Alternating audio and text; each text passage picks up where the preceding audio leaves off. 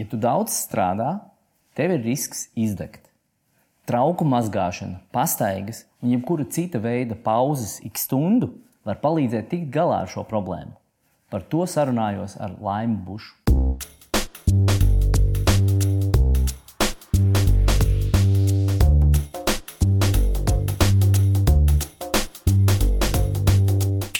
Es uzdūros uz, uz tādu faktu, un to teica arī Vanadziņš, kad es viņu intervēju, profesors.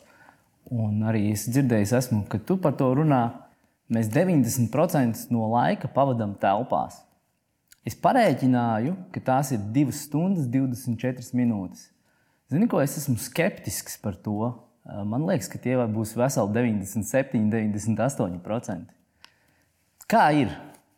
Kā ir. Nu, droši vien, ka katram tas ir ļoti individuāli. Bet tiešām, ja mēs skatāmies noteikti uz biroja darbiniekiem, kuriem arī tas darbs nav saistīts ar āru, nu, tad es ticamāk, ka tie noteikti ir tie 90%. Varbūt tie cilvēki, kā, kuriem ir suņi, kur varbūt, kā, nezinu, varbūt arī bērni un paši ļoti aktīvi grib darīt lietas, kaut kādas, kas ir ārpus telpām, tad viņam tas procents var būt nezinu, 85, 90%.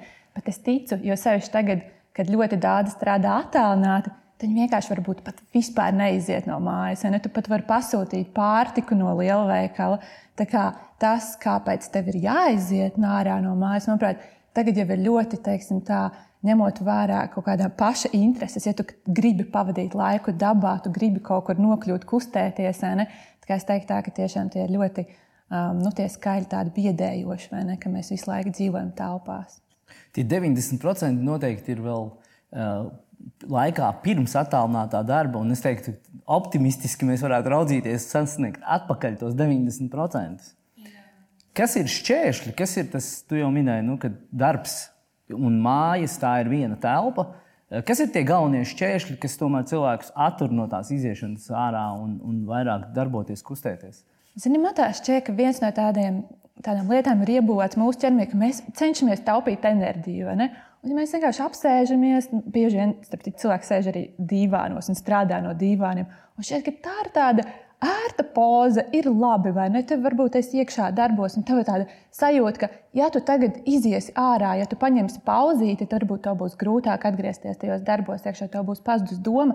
Bet īstenībā arī pētījumi rāda, ka mums ir nepieciešams atpūtas pauzes, mums ir nepieciešams arī fiziskās kustības, un tās mums ir gan īstermiņā, gan ilgtermiņā, protams, palīdz gan saglabāt veselību, gan arī būt produktīvākiem. Bet, manuprāt, vienkārši dažkārt ir jāsaprot priekš sevīm, ka tev ir jādara kaut kas apzināti, ja, ka tev nav kaut kādi ārējie faktori, kas tev liks iziet ārā, kas tev liks kustēties, ka tu principā esi pats atbildīgs par tām lietām, ka viņas arī ieplāno un atrodi prieku tajā, ka tu, piemēram, nezinu, izēji divreiz dienā pastaigāties, pat ja tev nav suns, pat ja tev nevajag iziet ārā ka tu saproti, tas man ir vajadzīgs, tas ir priekš manas veselības, labsajūtas un īstenībā arī tiešām priekš tās pašas darba produktivitātes. Nu, par veselību runājot, es papētīju, ka 20. gadā slimības lapas pieteikuši un arī noslēguši bija 560 tūkstoši cilvēku. Tas ir vājprātīgs cipars. Darba devējiem, cik es cik es atceros, bija tas skaitlis 170 miljoni eiro zaudējumu no tā, ka cilvēki ir paņemti slimības lapas. Ehm, vai tas ir tikai tāpēc, ka cilvēki neiet ārā, vai kas ir vēl problēmas, kas rada veselībai stāvokli? Jā, nu, es teiktu, tā, ka es vairāk interesējos tieši par biroju darbu, arī vairāk strādāju savā darba aizsardzības praksē ar birojiem. Un, nu, protams, ka viens no būtiskiem faktoriem ir tās piespiedu pozas, jo sevišķi es tagad skatos, ka cilvēki kā nu viņi ir iekārtojuši tās mājas darba vietas. Un es zinu, ka tiešām ļoti liels procents, vismaz pasaulē, ir, tie pētījumi par to, ka muguras sāpes un, un problēmas tieši ar skeletu un muskuļu saslimšanām ir ļoti liela daļa no tām slimības lapām. Ja?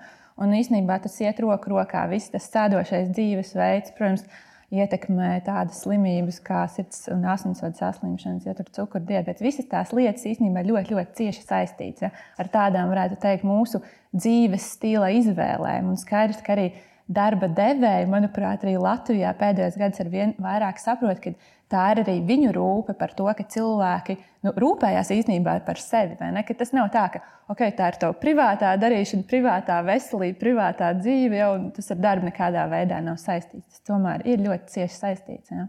Un tāpēc man arī ir ļoti liels prieks, ka daudzi darba devēji nu, cenšas atrast veidu, kā viņi var atbalstīt, motivēt uh, savus darbiniekus uh, vairāk rūpēties par sevi, par veselību, par kustībām, ja, par visām šīm pozitīvām lietām.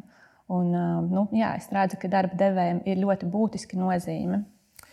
T bet tas, ar ko tu nodarbojies, Tas ir faktiski, tu arī palīdzi, sniedz zināšanas, kaut kādas metodas, taktikas, stratēģijas par to, kā cilvēks varētu savā birojā, kurš šobrīd ir mājās, veidot un uzturēt savu veselību formā. Kas ir tas, ko, kas ir tās galvenās lietas, ko darba devēji un arī darbinieki un vispār cilvēki vismazāk zina, kas, kas tevi pārsteidz? Kas mani pārsteidz? Mani pārsteidz bieži vien ir tas, ka mēs zinām teoriju, bet mēs viņu nepielietojam praksē. Un tur atkal ir jautājums par to, kā darba devēji un viņu palīdz, kaut vai tie paši darba aizsardzības speciālisti, personāla speciālisti, var iedot tādas nu, instrumentus, kā tās zināšanas, piemēram, ir kaut kāda kaut vai lekcija. Un visi man šeit zina, ka ir jābūt ergonomiski iekārtotai darba vietā. Ja tas ir ļoti vienkārši iegūglēt nezinu, minūtes jautājums, kas ir tie galvenie principi. Bet tāpat cilvēki to nedara. Nu, tas ir tāds piereduma jautājums, varbūt slinkuma jautājums. Ļoti, nu, arī, protams, manuprāt, tīri tehniski tas prasa varbūt kaut kādas nelielas līdzekļus. Nu, tur varbūt cilvēki gaida no darba devēja puses, kad viņiem to iedos. Ja, tā. Tāpēc man šķiet, ka baigi būtiski ir būt proaktīviem un rūpēties tiešām arī par sevi, pirms kāds cits tev par tevi cenšas parūpēties. Bet kas ir tādas, manuprāt, nu, tādas pārsteidzošās lietas? Nu, laikam tas, ka cilvēki tiešām neņem atpūtas pauzes. Ja, mēs cenšamies būt iekšā tādā par 100%, lai gan mēs arī jūtam ik pa laikam noteikti tā uzmanība kaut kur klejo projām, bet mēs esam gatavāki nezinu, paņemt telefonu rokā, pa paskatīties, kas notiek sociālajos tīklos. Nevis piecelties augšā, nezinu, iztaipīties kaut vai nezinu, strādāt no mājām, uzlikt kaut kādu spēka dziesmu, izkustēties un, manuprāt, gūt tādu tādu restartu uh, savā darba ziņā, gan arī iegūmu savam ķermenim, prātam. Ja, tā kā, īstenībā tās tādas mazas lietas, manuprāt, ko cilvēki vienkārši nedara, jau nav iesākuši. Ne? Tad, tad tās atpūtas pauzes, jo par, tas, tas būtiski izklausās arī svarīgi Jo parasti cilvēki ir pieraduši domāt, nu, apmēram tā, ka nu, sestdiena, svētdiena, tad tur būs atvaļinājums, ja, un, un beig beigās vispār kapā izgulēsies, un tā arī būs. Ko nozīmē atpūtas pauzes? Kā tas praktiski ir darāms, un varbūt kas ir tās lietas, ko, nu, kas ir pašas svarīgākās? Varbūt, ja tu nedari to visu desmit lietu komplektu, varbūt divas, trīs. Jā, nu, es teiktu tā, ka Mm, Pirmkārt, ja mēs skatāmies tiešām uz eh, cilvēkiem, kas strādā biroja darbu, tad viena no galvenajām lietām ir vienkārši piecelties augšā. Un tāpat var nebūt atpūtas pauze, bet es redzu ļoti kaitīgi ietekmi tai ilgstošai sēdēšanai. Tāpēc Viens pat bez atpūtas pauzēm būtu padomāt, kā mēs varam biežāk nomainīt darba pozas. Un tās ir gan sēdošās darba pozas, nezinu, tev ir darba krēsls, varbūt pēc tam tā ir tā vingrošanas bumba, vai ne, uz kā tu sēdi arī kādas 20 minūtes, un biežāk piecelies augšā. Bet, kas attiecās uz atpūtas pauzēm, tad, manuprāt, būtisks ir tas veids, ka tu atceries, ka tev tas ir jāizdara. Ja? Un vienkārši no sākuma tev vienkārši ir jāiegulda nedaudz enerģija, tev ir jā, jāatrod veidi, kā tev kā tu to atgādinājumu sev, teiksim, uzliec vai nu telefonā, vai kaut kādi citi veidi un principi, kā tu tā teikt, iemāni sevi tās lietas sākt darīt. Ja? Kā, un vēl kas, manuprāt, ir forši būtiski ir atrast veidu, kas tev pašam patīk. Nevis tā kā laima saka, ka tev ir jāliek dziesma, un tagad uh, reiz, divreiz dienā nezinu, jā, jākustās pa māju. Varbūt tas tev šķiet briesmīgi, ja tāpēc tu atrod kaut kādas savas veidus.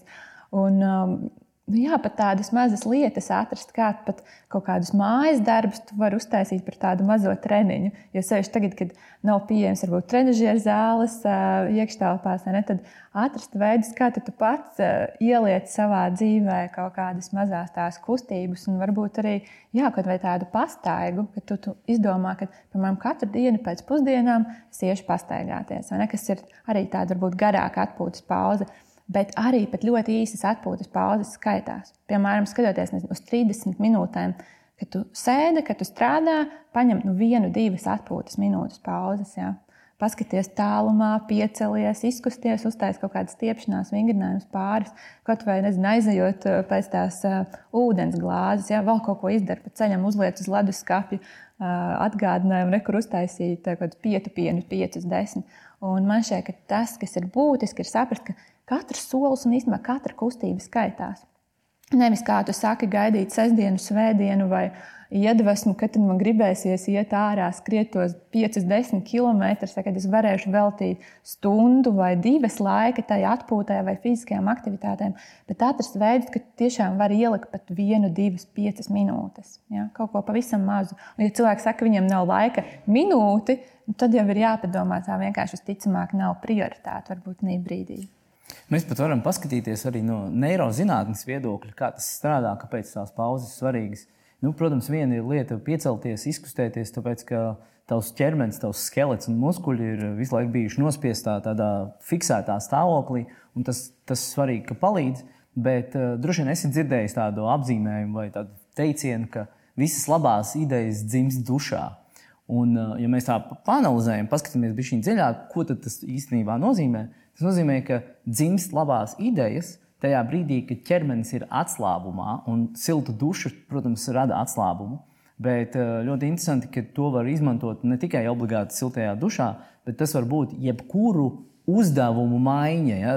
Tātad, tu jau teici, eh, iet iztīrīt māju. Man ļoti patīk pašam mazgāt traukus, un, un trauku mazgāšanas procesā es burtiski tā kā. Uh, vēlreiz ļauju šiem savam, savam, tas, ko es darīju, aktīvi, fokusēti, ļauju šiem neironiem no jauna veidoties un radīt sevī iespēju jaunu ideju ģenerēšanā, kreativitātē un varbūt kaut kādas nākotnes plānošanā.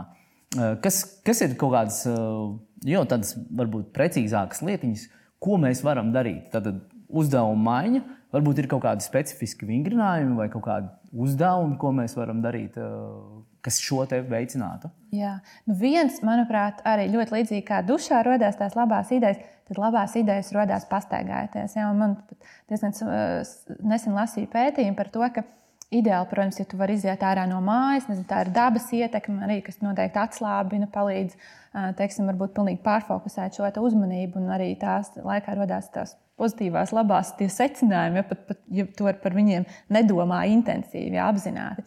Bet tas, ko tu vari darīt, es zinu, ka daudziem cilvēkiem ir uh, dažādi tie uh, mājas trenižieri vai nu, nezinu, velotrenažieris vai, vai kāds. Viņi bieži vien izmanto viņus tā par tādiem uh, drēbju pakramajiem.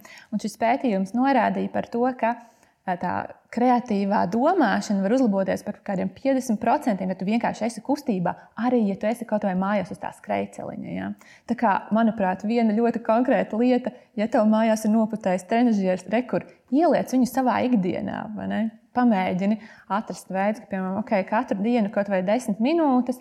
Tur bijuši darbi, un tu vienkārši nezinu, tur paminies vai pa, pa, paēji. Tā, tā varbūt ir viena lieta, kas ir vēl varbūt ļoti Priekš manīm būtiski tiešām tie ir tādi elpošanas vingrinājumi, ja, un es jūtu, ka tas fokus zūd kaut kur dodas projām. Vai arī nezinu, es esmu nedaudz uztraukusies, teiksim, ļoti, ļoti daudz darba, ienāk kaut kāds nepatīkams sēpes. Tad tas, ko es vienkārši daru, nomierinu savu elpu. Un tad arī mēģinu pārfokusēties, saprast, kas ir tās lietas, kas man šobrīd būtiskas, kas arī, manuprāt, ļoti, ļoti labi nodara. Varbūt ne tik daudz veselības kontekstā, bet arī tādā produktivitātes kontekstā. Noteikti tev blakām ir kaut kāda fiziska lapa, kur tu saliec uh, savus galvenos punktus, saplāno savus darbus, prioritātes, kas tieši šobrīd ir svarīgas. Un, uh, kāpēc man tā lapa īpaši ir mīļa? Tāpēc, ka tad, kad es arī beidzu darba dienu, vai, piemēram, pēc darba dienas man ienāk prātā kaut kādas lietas, kas ir saistītas ar darbu, man patīk viņas pierakstīt. Ja? Nevis mēģināt, teiksim, kaut kā ik pa laikam viņas atcerēties, ja līdz nākamajam rītam, kad es ķeršos viņām klāt. Es vienkārši kā, izrakstu tās lietas, kas ir manas bāžas, kas ir kaut kāda nākotnes mērķa, aizmirstās lietas. Tā kā, nu, tas varbūt ir vēl viens tāds mazs maz lieta, ko es arī pati izmantoju.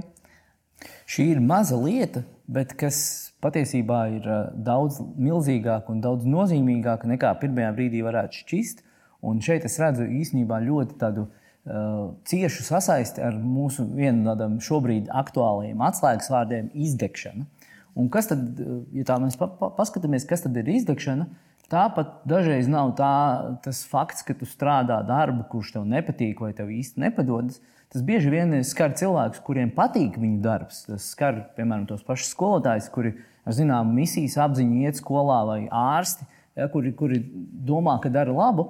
Bet uh, tieši šis nākotnes plānošana, skaidrības veidošana, attiecībā uz to, kas ar tevi notiks uz priekšu, kā notiks tava izaugsme, kā notiks tavs progress un, un viss uz priekšu, ir ļoti lielā mērā saistīts ar to, kāpēc cilvēki izdeg. Jo viņš jūt, ka viņš nekustās, stāv uz priekšu, tas burtiski spiež gāzi, gāzes pedāli, kad uh, mašīna nav ielikta ātrumā. Tāpēc skaņa ir, troksnis ir, benzīns tērējās, bet nekur uz priekšu nekustās. Un tava lapa, ko tu pieminēji, faktiski ir ļoti ciešā mērā saistīta ar šo izdegšanu. Varbūt vari pakomentēt, ko tu redzi, teiksim, strādājot gan ar uzņēmumiem, gan ar cilvēkiem individuāli, attiecībā uz izdegšanu un veselu biroju. Jā. Jā, nu, protams, izdegšana ir ļoti būtisks jautājums. Un jāsaka, es tagad, klausoties tavā komentārā, arī saskatīju, ka ir tā spēja tā kā, kontrolēt lietas, kas mums ir ļoti, ļoti liela vēlme. Ja, tā kā spēj paredzēt, saprast, kas tad ir tie nākamie soļi, kas mums novadīs līdz kaut kādam labam nu, rezultātam. Savas, savas likteņa veidotājs. Jā, jā, tā kā laimes kalējas arī. Jā, un tur man ir jāsaka, ka, manuprāt, būtisks aspekts ir tāda būšana elastīgam, arī saprast, ka uh, lietas mainās un bieži vien ārējos apstākļus mēs nevaram kontrolēt. Un atkal tur ir tāda mazā metode, kad ar tevīm kaut kas notiek, piemēram, sajūt kaut kādas spēcīgas emocijas, kas varbūt nevienmēr ir pozitīvas. Ja? Tad saprast, ja tie ir kaut kādi ārējie faktori, tad vai tā ir lieta, ko es varu ietekmēt, vai ko es nevaru ietekmēt. Ja? Man šķiet, ka cilvēki bieži vien tā kā bieži vien tērē savas emocijas par lietām, ko viņi nevar ietekmēt. Bet tas, ko viņi var darīt, ir mainīt vai nu savu attieksmi, vai ja viņi redz, ka tas tomēr ir kaut kas ietekmējams, tad viņi vienkārši saliek plānu. Varbūt tas nav kaut kas tāds, ko tu vari izdarīt uzreiz. Bet tad noteikti ir kaut kādi soļi. Piemēram, ja darbiniekam kaut kas darbā neiet, ja viņš redz, ka viņš stagnē, varbūt ir nepieciešams kaut kādas jaunas kompetences, tad tā noteikti nav lieta, ko viņš varēs izdarīt ļoti, ļoti ātri.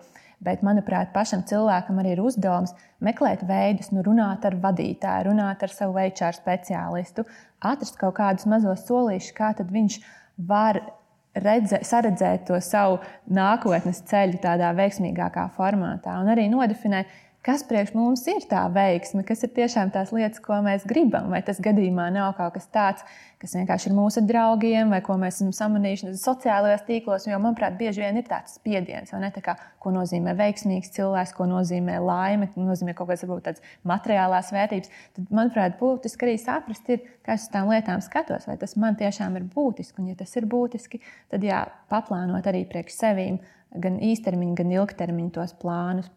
Un atgriežoties pie izdegšanas, tad man šķiet, ka ļoti būtiska ir tieši eh, darba vadītāja loma. Ja, kad, uh, es saprotu, ka vadītājiem pašiem pavisam nav viegli arī šajos pārmaiņu apstākļos, bet mēģināt būt cilvēcīgiem, mēģināt jautāt tiešām no sirds, interesēties, kā tad iet viņu darbiniekiem. Ja? Dot uh, atgrieznisko saiti, tās visas ir tās lietas, kas var atbalstīt un dot šo kontrolas sajūtu. Ja? Nu, saprast, ka tev vienmēr ir tāda palīdzība pleca iespēja, un, un ka mēs visi esam cilvēki, un ka mēs darām tiešām labāko, ko mēs varam dažādos apstākļos. Ja? Ļauj man izmest laukā tādu vienu tā tādu āķīti, eh, kas šo visu lielo tematu par izdegšanu, kas ir milzīga, pat Pasaules veselības organizācija to atzinusi kā tādu leģitīmu lietu, eh, atmest atpakaļ uz tām pauzēm strādājot. Ko tad, kāpēc man tas būtisks liekas, eh, tas nav tikai par to lapas rakstīšanu, bet tas faktiski sanāk tā, ka, ja mēs neņemam pauzes, tas nozīmē, ka mēs bez pauzēm strādājam uz priekšu. Mēs esam aktīvi, kas ir ļoti labi. Mums vajag koncentrēties, mums būtu vajadzīgi enerģiski mesties iekšā darbā. Bet problēma ir tāda, ka, ja mēs pārāk daudz esam aktīvi un nedodam sev, savai nervu sistēmai to nomierinošo aspektu, tad faktiski mēs esam tādā vienā virpulī, fokusēti uz to, kas notiek uz ārā. Pauze nozīmētu fokusēties uz iekšā, un uz iekšā fokusēties nozīmē sevi iepazīt. Un, lai tu vari iet un runāt ar citiem cilvēkiem, sniegt atbalstu vai saņemt atbalstu, tev ir sevi jāpazīst. Tā kā, tā kā varbūt vari pakomentēt šo aspektu, teiksim, savas veselības, savas sajūtu, emocijas, emocionālā inteliģence ja, sākās faktiski tikai un vienīgi ar sevis pazīšanu. Jā, un tur atkal man šeit ir tik grūti paņemt to pauzi ja, un viņu vērst uz sevi. Dažkārt tas saistās cilvēkiem ar tādu tā laika tērēšanu. Es šobrīd neesmu produktīvs. Lai gan es īstenībā daru kaut ko tādu, kas ir ļoti, ļoti svarīgs, ilgtermiņā arī. Un uh, bieži vien arī tās pauzes, tā ieklausīšanās sevi nāk ar tādu nērtuma sajūtu, ne? Jo tu tā izzini tās lietas, un ne visas lietas varbūt ir tas, kas, kas tev šķiet foršs un patīkams. Bet ļoti, ļoti būtiski tiešām būt kontaktā ar to realitāti. Un, manuprāt, tur ļoti labi roku rokā ar šo emocionālo inteligenci iet arī apziņotība. Ja? Ka es māku piebremzēt, pirmkārt, arī tad, kad esmu emocija, varēs pa, māku paņemt pauzi, es māku apskatīties, kas tad ir tās emocijas, kas man, teiksim, kur šobrīd es piedzīvoju. Un, manuprāt, tā galvenā ideja, man, un tas galvenā vērtība ir tāda, ka tu jau spēj paskatīties uz tām emocijām kā uz tādiem datiem, nevis uz kaut kādu stimulu, kas tev liek vienkārši automātiski rīkoties. Ja? Nu, tas vismaz tiem racionāliem cilvēkiem, kuriem apziņotība liekas pārāk gaisīga lieta, tad vismaz paskatieties, ka apziņotība un sevis spēja saklausīt, sadzirdēt, ir no datu viedokļa ir arī pārveidojama. Un tagad, mazliet rezumējot to, ko mēs tagad runājām, tad faktiski tad mums ir svarīgi ņemt pauzes stundā vai reizi divās stundās. Un droši vien, ka mēs par pauzi varam runāt arī tādā diennakts mērogā. Un diennakts mērogā pauze nozīmētu pilnvērtīgi pieiet arī savam miegam. Varbūt tavs noslēdzošais komentārs attiecībā uz šo par miegu, jo tu arī par to visu kaut ko daudz runā un stāsti. Miegs, jā, es domāju, tā ir viena no nenovērtētākajām lietām. Un es esmu dzirdējis tik daudz cilvēku, kuri lielās ar to, ka viņi neizguļās vai guļ tikai piecas stundas diennaktī. Ja? Un Ir kaut kāda pavisam maza cilvēku grupa, kuriem tas tiešām ir ok, teiksim, viņu organisms to pieļauj. Bet izgulēšanās tas ir tik ļoti būtiski un no tik daudziem aspektiem. Ja? Gan fiziskās veselības aspekta, gan mentālās veselības aspekta, ja? arī tas, kā mēs jūtamies un kā mēs spējam kontrolēt savas emocijas ja? un cik mēs produktīvi esam. Tādēļ es teiktu, ja ir pāris lietas, kuras ir būtiskas, tās noteikti ir pauzes, miegs, noteikti arī, protams, uzturs. Bet par miegu runājot, jā, tad katram noteikti man šeit būtu jāuztais neliels tāds miega audits, jo tas ietekmēs tik, tik ļoti daudz ķēdītē vispārējo. Tā tad, tad noslēdzot, mēs varam teikt, ka atpūta, miegs, pauzes ir nevis laika atņēmējs, bet tavas produktivitātes un tavas dzīves piepildītājs. Tā mēs varam teikt. Tieši tā, un mums ir jāiegulda atpūtā un rūpēs par sevi, lai pēc tam mēs tiešām, klišies izklausās, bet varētu tiešām parūpēties gan par savu ģimeni, gan par darbu. Tas ir kaut kas tāds, kas mums visiem ir nepieciešams. Un tad saistībā ar visu šo, kas ir tava veselības definīcija?